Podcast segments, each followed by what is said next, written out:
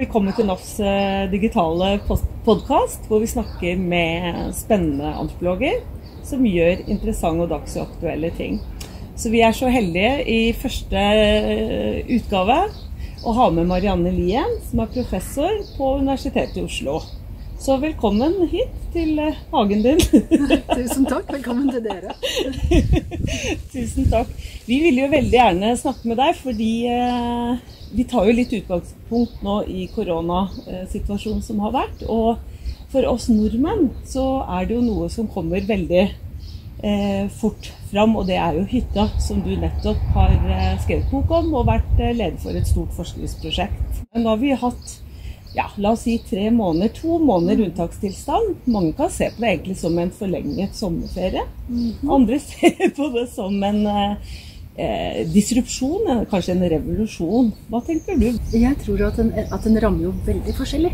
Her sitter, Jeg er jo da den tiden i livet hvor barna har flyttet hjemmefra. ikke sant?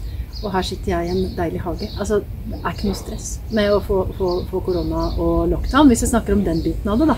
Mens andre sliter enormt, og det er jo livsfasespørsmål. Har du små barn og du fikk barnehagestengning, så har du det ganske tøft. Mens andre igjen mister jobben. Så her tror jeg vi for første, som alle gode antropologer, må differensiere her. Eh, men én ting som eh, mange eh, har erfart, da, det er jo at de kan leve livet litt annerledes. Plutselig så må vi leve litt, livet litt annerledes. Og da er det jo ganske slående hvor eh, lett også mange erfarer at det er å gjøre endringer over natta. Og den flyreisen til Bergen for å være med på et møte, den det gikk helt greit på Zoom, faktisk. Skal jeg gidde å, å sitte i kø på Gardermoen og kjøre? Nei, det gidder jeg ikke neste gang. Jeg tror veldig mange av oss har denne erfaringen. At hva drev jeg egentlig med ellers når jeg reiste så mye, f.eks.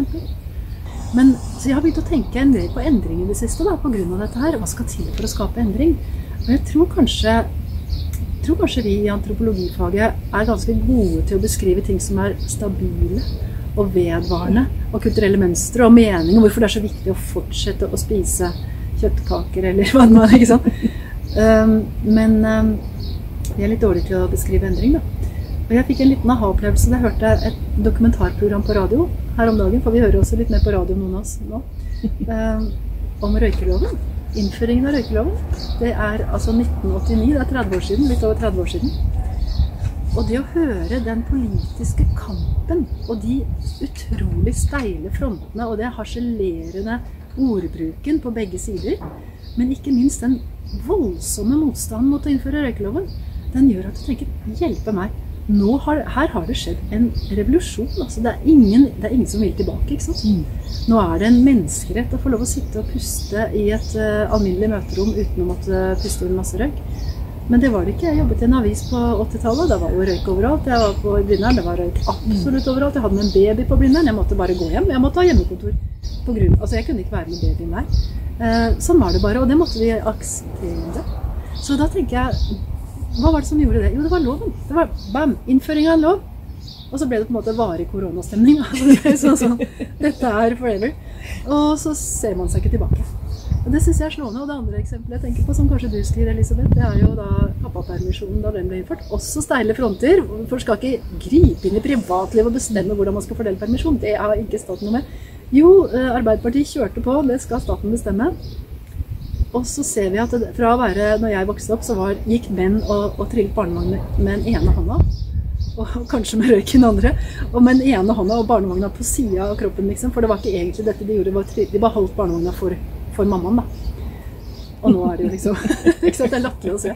Så, Tenk så tør det heller med én hånd. Da er du uansvarlig i dag. Nei, altså, pappaer er liksom inne veldig, de er, i, de er veldig Det er kulturell endring. Det er, mm. Du snakker om 20-30 år. Mm. Men så er det også noen ting som akselererer voldsomt i endringene plutselig. Mens andre ja. ting ikke gjør det. Eksempel, og kanskje det mest hårreisende, er jo at uh, regjeringen valgte å stenge ned samfunnet mens man ikke har gjort det i klimakrisen. Ikke sant. Ikke sant? Dette, det, jeg tenker at den, den koblinga der er kjempeinteressant. Fordi uh, vi ser at endringer er mulig på kort tid. Og vi ser at vaner vi trodde var inngrodd, er ikke særlig inngrodd egentlig. Hvis det først er sånn at jeg ikke kan gjøre det, da gjør det ikke, da. Og, og, og, og, så går det greit. Og det er jo det Jeg håper bare at vi kan ta med oss det her inn i det grønne skiftet, og at vi kan se at den andre krisen vi står overfor, er mye, mye, mye større enn korona. den eh, klimakrisen vi, vi, må håndtere. Jeg tenker at Hvis det skal være noe å vinne på dette her litt unike erfaringen vi alle nå gjør, så er det det at vi kanskje akkurat nå har et vindu hvor folk er myknet litt til muligheten av å leve annerledes på noen måter. Mm. Og da må man slå til med noe mer enn dulting. Altså. Man må slå til med noen, eh, noen kraftige altså Den kraften de utviste, som du var inne på, gjennom, gjennom den nedstengningen. Mm. Riktig eller feil, det bør vi ikke bestemme nå. Men mm. den kraften de hadde, den viser at den kraften fins. Og definerer man en krise, så får man det til. Og så klarer man gradvis å få oppslutning om det senere. Hvis vi kommer litt tilbake til eh, koronatiden i Norge, som vi har lyst til å snakke mer med deg om, så var jo nettopp dette med hytta noe som skapte voldsomme reaksjoner i eh, folket. Eh, og som senere også gjorde at alle plutselig også ble med på regjeringens tiltak om ikke dra på hytta. Hva var dette her? Ja, hva var dette her? Det, det spørsmålet spurte jeg meg selv òg. Det var noen få dager etter nedstengningen 12.3 at de innførte også et hytteforbud. Som jo var helt absolutt. Hvis du ikke hadde hytte i samme kommune, så var det bare glem det. Og, og, og det hadde bare en voldsom reaksjon med en gang. Og jeg tenkte liksom sånn den reaksjonen var innmari kraftig. Her har vi hatt liksom i løpet av siste uke nedstengning av barnehage, nedstengning av nesten all næringsvirksomhet. Skolen er stengt. Og så er det sånn Vi kan ikke dra på hytta! Det er det mulig? Og det var jo litt harselering også med disse bortskjemte folka som ikke får lov å dra på påskeferie. Det var påskeferien som glimtet som en sånn derre koronafri rom i det fjerne, og så ble det også borte, ikke sant. Uh, og, da, uh, og, så fikk jeg en del telefoner fra pressen i den perioden, ganske mye egentlig. Med en gang liksom kommer forskjellige nyhetsmedier da, for å spørre meg hvorfor er det sånn. da så jeg måtte tenke meg litt mer om og, og, og gå litt saktere liksom, enn å si at det var dumt med, det er så viktig med hytter for nordmenn og sånn, for det er jo det svaret alle venter at man skal si. Jeg tror faktisk ikke det uh, jeg, jeg, kan godt si at det er viktig for mange nordmenn med hytter, men jeg tror kanskje ikke det forklarer den tingen der. Fordi for mange så var dette her med beredskap ganske viktig. Og, og jeg har gravd litt mer i dette her etter hvert, og også fått kontakt med folk som har kontaktet meg etter å ha hørt meg i media og sier 'nå skal du høre en historie'. Og jeg kan fortelle en sånn historie. Altså Hytter er et feriested i dag. Men hytter er også et sted for mange har tenkt på at de kan dra hvis det blir skikkelig ille. Og jeg må si at jeg har en sånn liten hytte som jeg arvet av moren og faren min, og den er kvarter fra Bilberg. Og jeg har ofte tenkt at hvis et eller annet dramatisk skjer, jeg tror jeg tenkte å si det var lite, så kan vi kanskje overleve her. Jeg vet at vi ikke kan overleve særlig lenge, jeg vet at det nesten bare er en tullete drøm. Men en sånn forestilling Hva kan i hvert fall hugge ved her, og vi holder i hvert fall varmen vi har solcelleanlegg, og det skal nok gå bra, liksom. Så lite grann av det er sant. Eh, og så fikk jeg høre om en, eh, en, kvinne, hun var for øvrig eh, lege og behandlet koronapasienter, og hun fortalte meg om sin, jeg tror det var oldemor, som hadde vokst opp med Jeg tror hennes, hennes tippoldemor, så det er ikke så viktig. Som hadde skaffet seg en hytte langs Bergensbanen allerede på tidlig på 1900-tallet. Og hadde, Da hadde hun da fått tildelt leid en hytte av, av Bergensbanen, for de bygde ikke sant, på Haugastøl. Og det skulle være til bruk ved sykdom i bil. Og hun fikk etter hvert barn. Og dette var helt bevisst. ikke sant? Vi må vekk fra Kristiania, vi må vekk fra det stedet der du får Og det var mange sykdommer. Det var jo Eh, eh, tuberkulose var en farlig ting, og det var flere andre smittsomme sykdommer som kom og gikk. Så, kom, eh, så gikk det ti år, hun fikk litt mer penger, og kjøpte seg to hytter ved Ustadhuset. Én for de syke, og én for de eh, friske som skulle stelle de syke. Og, og, og, hun, og, hun, skaffet seg en båt til Ustevannet hvor hun kunne ro og, skaffe ørret. Og hun skaffet seg en jordkjeller. Alt hadde hun klart. Og så fikk hun fire barn, eller noe sånt, og så kom spanskesyken. Og det gikk bra. Og der var de. Og alle levde opp. Og hun var veldig oppmerksom på dette. Vask hender, barn. Ikke drikk av samme glass. Så dette er på en måte På et eller annet nivå så er det gammel kunnskap. Og jeg tenker på at vi som er født i en, noen tiår etter krigen, vi har aldri opplevd smittsomme sykdommer som noe annet enn litt ubehagelig og omgangssyke eller noe sånt. Men, eh, men folk levde på første halvdel av 1900-tallet og før det for alltid egentlig med muligheten for smittsomme sykdommer. Så det er en gammel erfaring at man må komme seg vekk og ut. Og i, også i forhold til beredskap i, i, disse første krigsdagene rundt 9. april. Da var det sånn eksodus ut av Oslo. Og det fins bilder av dette her. Min, min mor eh, trengte seg sammen med, med utallige kusiner og fetter og tanter og onkler på en hytte. Liksom De lå oppå hverandre. De var vekk fra Oslo, vekk når bombene kommer. vi har jo alltid den impulsen vi skal vekk. Og sånn sett tenker jeg at, at mange hadde den kanskje halvreflekterte impulsen også i koronatiden, da, under det og derfor blir det litt rart. Og så går det an å gå litt dypere inn i dette her og si at eh, når, når eh, Folkehelseinstituttet og, og Helsedirektoratet sier eh, Nei, ikke dra på hytta. Ingen kan dra dit, for vi må beskytte helsevesenet i kommunene deres. Men utsatte grupper må passe seg, beskytte seg, ikke bli smittet. Det fins ingen utsatte grupper. Ingen mennesker er en gruppe. Alle mennesker er det vet vi alle mennesker er en del av en sosial sammenheng. Og med mindre du er enslig, så har du noen i huset som kanskje antagelig ikke er utsatt. Og, og, og jeg hører om folk som f.eks. har eh, er voksne, har tenåringsbarn, har en alvorlig helsesituasjon som gjør at de er ekstremt utsatt for korona. Hva tenker de? Beste for dem er å komme på hytta. Så her, øh, denne, denne hytteforbudet det medførte jo at en del mennesker som var såkalte utsatte gruppemedlemmer, da, ikke kunne gi seg selv den beskyttelsen som de faktisk rent praktisk kunne ha gitt seg selv. Og det må ha følt, føltes ganske tøft. Så helsevesenet skulle beskyttes før uh, de syke? På en måte. Jeg tenker at uh, Det var sikkert for mye å ta inn over seg. Det var veldig mange ting som skulle ordnes de uken i mars. Men, men hvis det skulle skje noe sånt igjen, så må man jo ha en ordentlig fin dispensasjonsordning for de som virkelig trenger det. Ikke for oss som skal ha sol i ansiktet i påsken og sånn, men for alle de som virkelig trenger det. Men uh, for det vi så altså det, når det høyteforbudet kom Først så ble det en veldig reaksjon, men så gikk det ikke mer enn en uke eller to. Og så var det bare sånn Tok de sånne Sørvei eller hva det var, og nei, folk drar ikke på hytta. Folk er superlydige. For vi tok poenget, ikke sant. Ok, det går ikke, vi vil ikke dra til Valdres og smitte lokalbefolkningen.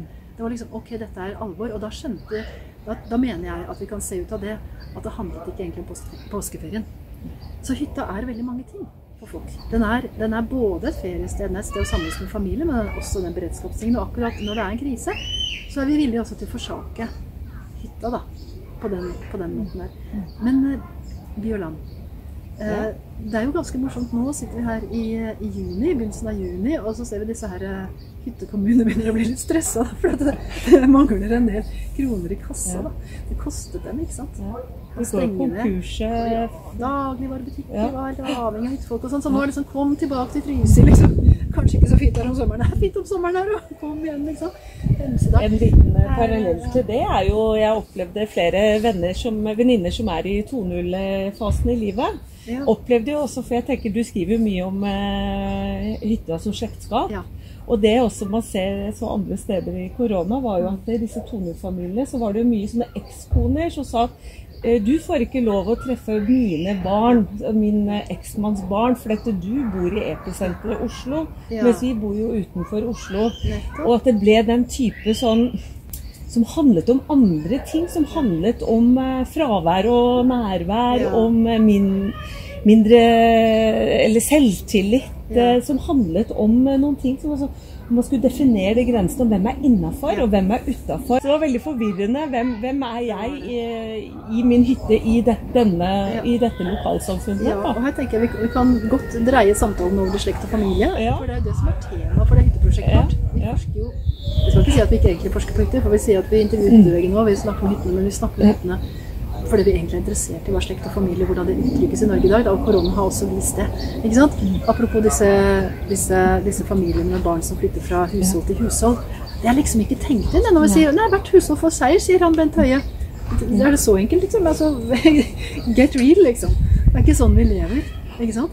Og vi selv, vi, Jeg har to barnebarn, og, og, og, vi eh, begynte med en sånn streng eh, Ja, nei, jeg tror Erna Solberg jeg sa at besteforeldre skal ikke passe på barnebarna. Nei, vel, nei, vel. Og så er jo disse her barnebarna og foreldrene deres ganske slitne. ikke sant? Og, og de trenger jo besteforeldrene sine også. De kan ikke leve uten bil lenge lenger. Så her har vi kostnader. Husholdene er ikke så stramt definert. Så det er det prosjektet vårt bl.a. handler om. Det er hvordan hytta i motsetning til et alminnelig hus, rommer veldig mye mer. Det er en sånn temporalitet knytta til hytta her. Så hytter overlever eh, et menneskeliv stort sett. De kan stå i 200 år. ikke sant? Eh, barndomshjemmet til dine foreldre regner du med at blir solgt en gang, kanskje en tar over, men det blir konvertert i penger. Hytta regner de fleste med kommer til å være der. Og så har vi den unike situasjonen at veldig mange barn eh, blir sosialisert inn på hytta gjennom både foreldre og besteforeldre, kanskje gjennom tanter og onkler også, som et sted som på en måte Kom til oss, dette er ditt. Vi hadde en sånn praktfull eh, historie fra en av informantene våre som fortalte at da det første barnebarnet ble født, så ble det kjøpt inn åtte sprinkelsenger. Som en hjemme, en hos farmor og morfar, en hos mormor og morfar. Men de fem andre det var liksom de to hyttene på den siden av familien og de tre hyttene på den siden av familien. Og du kan forestille deg så bare Kom til oss! liksom, Han stakkars lille gutten hadde jo ikke sjanse til å sove gjennom alle de, alle de sprinkelsengene før han var to. Da. Men det er en grunn til å se nærmere på tingene, og det er en grunn til å bruke tingene da, som utgangspunkt for å se hvordan vi faktisk da reagerer når dette her kommer, kommer i spill. Da. Og det skjer ofte i, en arve, i et arveoppgjør eller i en, et planlegging av en sånn overføring fra generasjon til generasjon. Og det handler ofte ikke så mye om penger og rene verdier, for de kan man veldig ofte konvertere og gjøre opp. Som det handler om det dypere antropologiske spørsmålet om hva som kan bli kommodifisert, hva som kan selges for penger. da. Eh, skal du tenke på hytta som en gave fra farfar? Eller skal du tenke på det som et investeringsobjekt som vi nå kan konvertere i et, i et ganske hett hyttemarked eh, for Sørlandet f.eks.? Så det er, og det, For noen søsken så er det at noen i det hele tatt foreslår å konvertere denne gaven til en pengeverdi, er en provokasjon. For andre så er det å foreslå at vi ikke skal gjøre det, på like, like mye en provokasjon. For de trenger kanskje de pengene til noe annet. Så det, begge sider er veldig forståelige. Men uh, som vi vet antropologien, dette med moral og marked er, er uh, dype, en dyp sånn vestlig forstått kontrast. Mm. Så her, her, sitter det mye, mye følelser og mye si, engasjement da, for mange mennesker. Så et uh, spørsmål som uh, trer fram, da, er jo hvis du skulle gjort et prosjekt i dag og forsket på hytta, hvor du ikke får lov å Eller nå begynner vi å få lov å reise litt, da, men uh, det har jo gjort noe med antropologien. Hvordan, hvordan, hadde det vært å gjort dette hytteforskningen på Teams? det hadde ikke vært mulig. Veldig mange hytter har ikke dekning engang. Det har vært helt horny. Det tror jeg vi hadde, det, Akkurat det kunne vi nesten ha glemt, bortsett fra at noen hytter har en Facebook-gruppe. Da kunne man gått inn der. Det er selvfølgelig noe. Men altså, det, jeg tror at nå er det jo ganske mange eh, masterstudenter som sliter. Særlig de som nå skulle gjort feltarbeid akkurat nå, eller kanskje de gjør det. Men som kanskje må velge digitale løsninger, eller finne løsninger hvor de tenker dette er jo ikke ordentlig feltarbeid. Og jeg tenker at denne, for oss antropologer, da så er jo denne uh, koronasituasjonen, og spesielt nedstengningen, som gjør at vi alle lærer oss Teams og Zoom og alt dette, er en ganske spennende tid for å rett og slett um, oppdatere oss ordentlig og få integrert digital etnografi som en del av vanlig etnografi. Jeg syns nesten ikke vi skal kalle det digital etnografi engang. Mm. Fordi uh, etnografi er jo bare å være med mennesker der mennesker er. Gjør, gjør, altså, vi vet jo hva det er. Mm. Og hvis digitale verktøy er en del av hverdagen, så er det selvfølgelig en del av hverdagen å ha med seg det. Men jeg tror kanskje Jeg kan snakke for meg selv her. Eh, jeg tror jeg snakker for flere enn meg. Eh, noen veldig mange er flinkere enn meg. Men mange er like dårlige som meg, tror jeg. I at de ikke helt eh, er komfortable med å gjøre feltarbeid som har store digitale komponenter. Da. De syns det er litt fattigslig og litt overfladisk og litt rart å, å gjøre dette. Og kanskje skyr unna det på den måten at de tenker som man ofte har tenkt tidligere, at dette er en eh, slags virtuell virkelighet, og så er den ordentlige virkeligheten. Nå er du og jeg sammen, men hvis vi hadde sittet i et annet digitalt rom, så hadde vi ikke vært helt sammen, og det har vært litt sånn uvirkelig virkelighet. Det er jo litt tøysete. Det er en del av virkeligheten. Og hvis vi tenker frontstage, backstage, sånne klassiske Goffmans-begreper, så er jo det finnes jo veldig mange konstellasjoner av frontstage, backstage innenfor det digitale rommet kanskje enda mer komplekse og interessante enn det de fins uh, i andre vanlige rom. Så, så, jeg tror at her uh, har vi en hjemmelekse, noen av oss, å gjøre i å oppdatere oss og klare å bli dyktige til å integrere det digitale på en naturlig måte. Da. Som en helt alminnelig form for sosialitet. Uh, jeg har litt flaks når jeg sier dette her, fordi at vi søkte et prosjekt i fjor som heter 'Privatlivets grenser'. Um, og det handler om digitalisering og sosialitet i hverdagslivet. Og det er en oppfølging av på en måte altså inspirert av Det springer ut av nordisk etnografisatsingen på, på Sosialantropologisk institutt i Oslo. Og er en oppfølging av Marianne Gullestads Kitchen Table Society. Hvor vi liksom veldig kort fortalt spør hvis kjøkkenbordene i Bergen blant arbeiderklassekvinner var det stedet hvor, hvor det sosiale på en måte utfoldte seg, og hvor moralske grenser ble forhandlet og skapt. hvor er kjøkkenbordene nå? Ikke sant? De er ikke, det er ikke der det skjer, kanskje, så mye. Det er der rommet, ikke mye.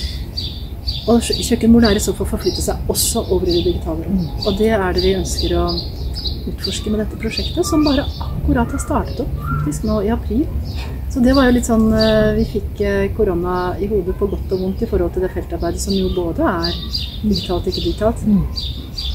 Men det gjør også at vi tenker en del tanker om, eh, om et mål med prosjektet og faktisk også å utvikle digitale metoder. Tuva Beyer-Broch er allerede eh, en del ansatt som en del av dette prosjektet. Vi utlyser akkurat i disse dager to nye postdok til prosjektet. Så det blir spennende. Det er sånn to be continued. Og jeg sitter ikke som en ekspert på digitalisering eller eh, digital etnografi på noen måte. Men jeg er interessert i sosialitet, jeg er interessert i Norden. Og jeg tror at eh, det er helt ok å ikke være en sånn teknologinerd når man nærmer seg det. For det er heller ikke noe grunn til å fetisjere dette her. Men heller bare ta det alminnelige utgangspunktet som antropologer vanligvis tar. Hva, hva er viktig i livet for folk, og hvordan foregår ting. Og så starter vi der. Det gleder vi oss til. Så med det så vil jeg takke for praten, med Marianna. Eh, ønsker jeg lykke til med forsk nye forskningsprosjekter, og takk for praten. Takk skal du ha.